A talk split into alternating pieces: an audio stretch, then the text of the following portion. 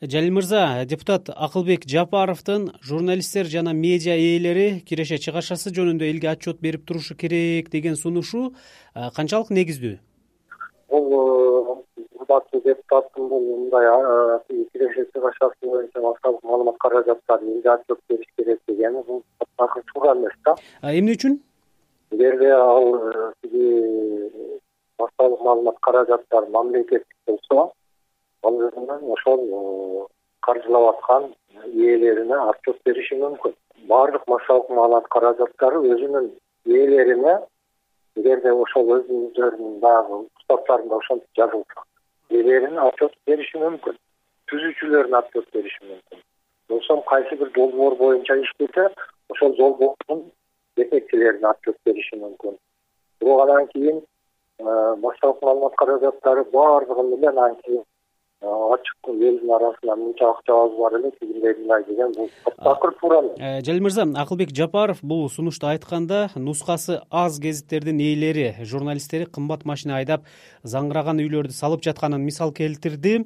Кимдир бирөөлөрдөн акча алып иштеп бирок анын салыгын төлөбөй байып жатышат деген өңүттө сүйлөдү да? Эми ал жагын мамлекеттик тийиштүү кызматтар карап койсо болот. Бизде декларация тапшыруу болот. Башкасы болот ошол боюнча тиги мамлекет тийиштүү өздөрүнүн процедуралары менен аны карап койсо контролдоп койсо болот.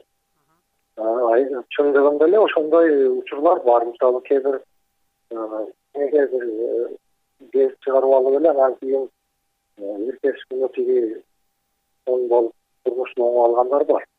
Эми бирөөнүн чөнтөгүндөгү акчаны бирөө эсептегенде эле бир чек туура бирок мыйзамдуу срок болушу мүмкүн. Эми бул биздин э, коомубуздун канчалык коррупциялашкандыгы менен түшүндүрүлөт да.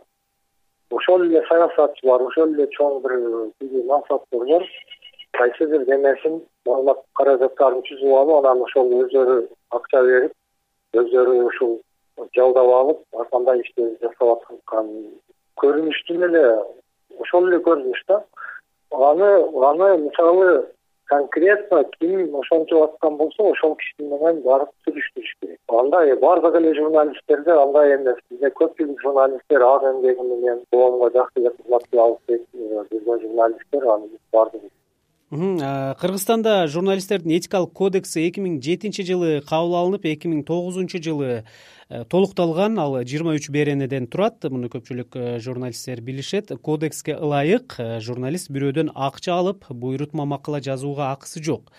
Акчага даярдалган макала коммерциялык мүнөздө экени көрсөтүлүүгө тийиш бирок бул нормалар канчалык сакталып жатат азыр? Бул жагынан журналисттик коомчулуктун чоң кемчилиги бар ошол тиги эмелерди кабыл алганбыз нормаларды кабыл алганбыз бирок ал сакталбай атат ал сакталбай атат себеби коомдо коомдо туруп коомдон четте турууга мүмкүн эмес деген жакшы бир мындай сөз бар да.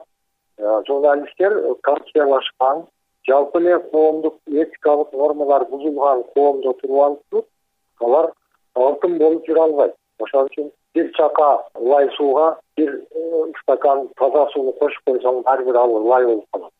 Ошондой эле нерсе болуп атат да ошон үчүн коом таза болмоюнча жалпы журналисттерде өзүнчө таза болуп кетиши кыйын